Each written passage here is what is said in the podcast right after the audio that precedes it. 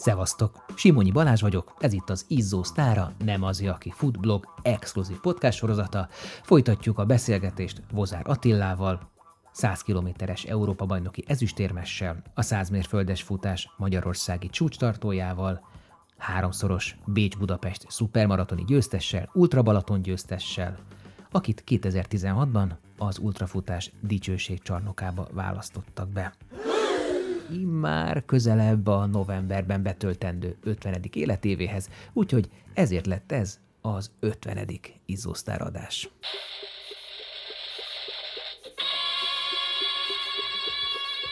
Ez a második rész, és egyben az előzetese a második résznek, a teljes adás, akár podcast formában, akár videó formában elérhető a Patreonon www.patreon.com per nem azé.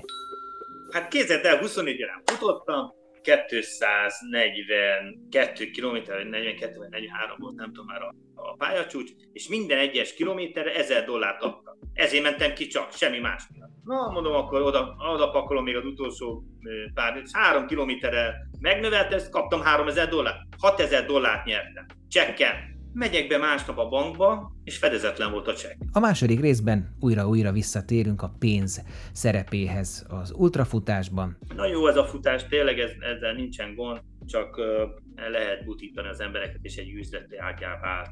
Tehát mindent el lehet adni az embereknek, mindent meg lehet etetni velük. Tehát amikor sikeres pénzek vannak, és jól megérdemelt pénzek, a, ezért a teljesítményért, az egy 212 km, nem kis tempóban, és ne adjunk már 100 ezer forintot, amikor egy, hogy is hívják ki, egy ilyen teljesítmény, egy másik világon, mint Spanyolországban 2000 eurót adnak a győztesért. Jó a pénz, az kell, egy nagyon nagy motiváció erő, húzó erő is, tehát én ezért nem indultam soha a Spartatlonon, mert nem, érte, nem, nem láttam értelmét, hogy én fussak 245 km-t, az semmiért.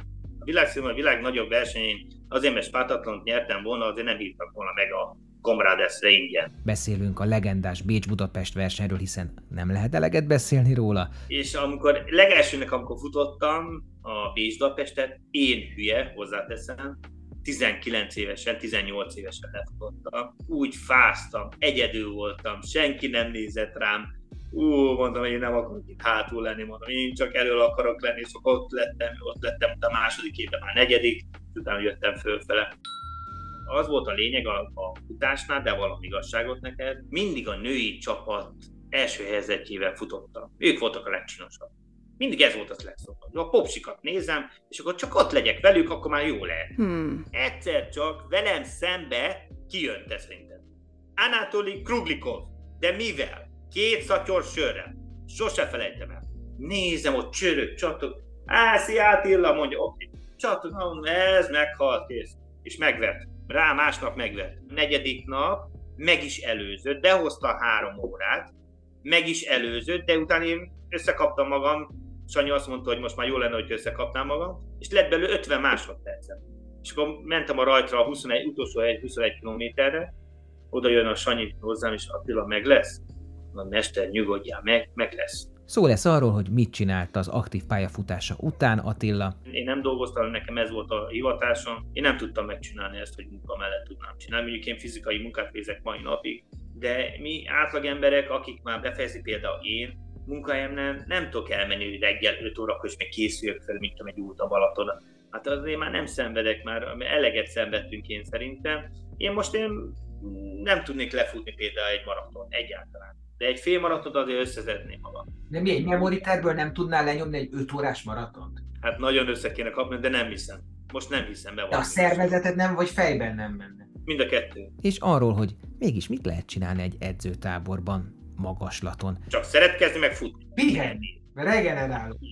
Persze, de azért emberből vagyunk, tehát nehogy azt mondod, hogy egy hónapot te kibírnád szex nélkül. De kivel voltál te, bo- bocs, edzőtáborban? Volt akkor női ultrás mezőny, aki edzőtáborban jár? Hát ott voltak a bárki, hát a konyhás nénitől kezdve mindenki ott volt. Hm? A legfinomabb víz Sopronban volt, ez a lényeg.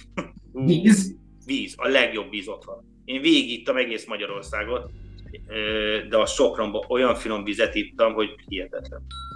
Tanásra vagytok kíváncsi, és vagytok kíváncsi bármire, az öregektől. Mindenkit nyugodtan írjatok rájuk.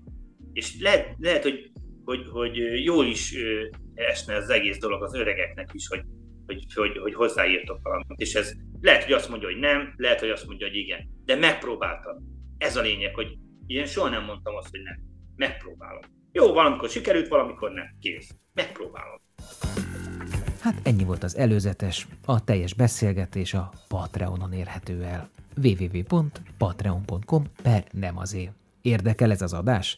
Akkor szállj be a finanszírozásba, legyél támogatója a 11 éve fennálló Nem azé, aki fut blog és podcast működésének, és férj hozzá további extra tartalmakhoz is írott, vizuális vagy éppen hangi formában, amik a futás vonzás körzetében levő izgalmas és értékes alakokról, témákról készülnek. És mivel gyakorlatilag ez az egyetlen futós podcast Magyarországon, ha tetszenek a műsorok, akkor iratkozz fel a csatornára a Facebookon, a Podpeden vagy éppen a Spotify-on. Az adáshoz természetesen, mint mindig, bőséges kép és videó galériát találtok a nemazé.blog.hu-n.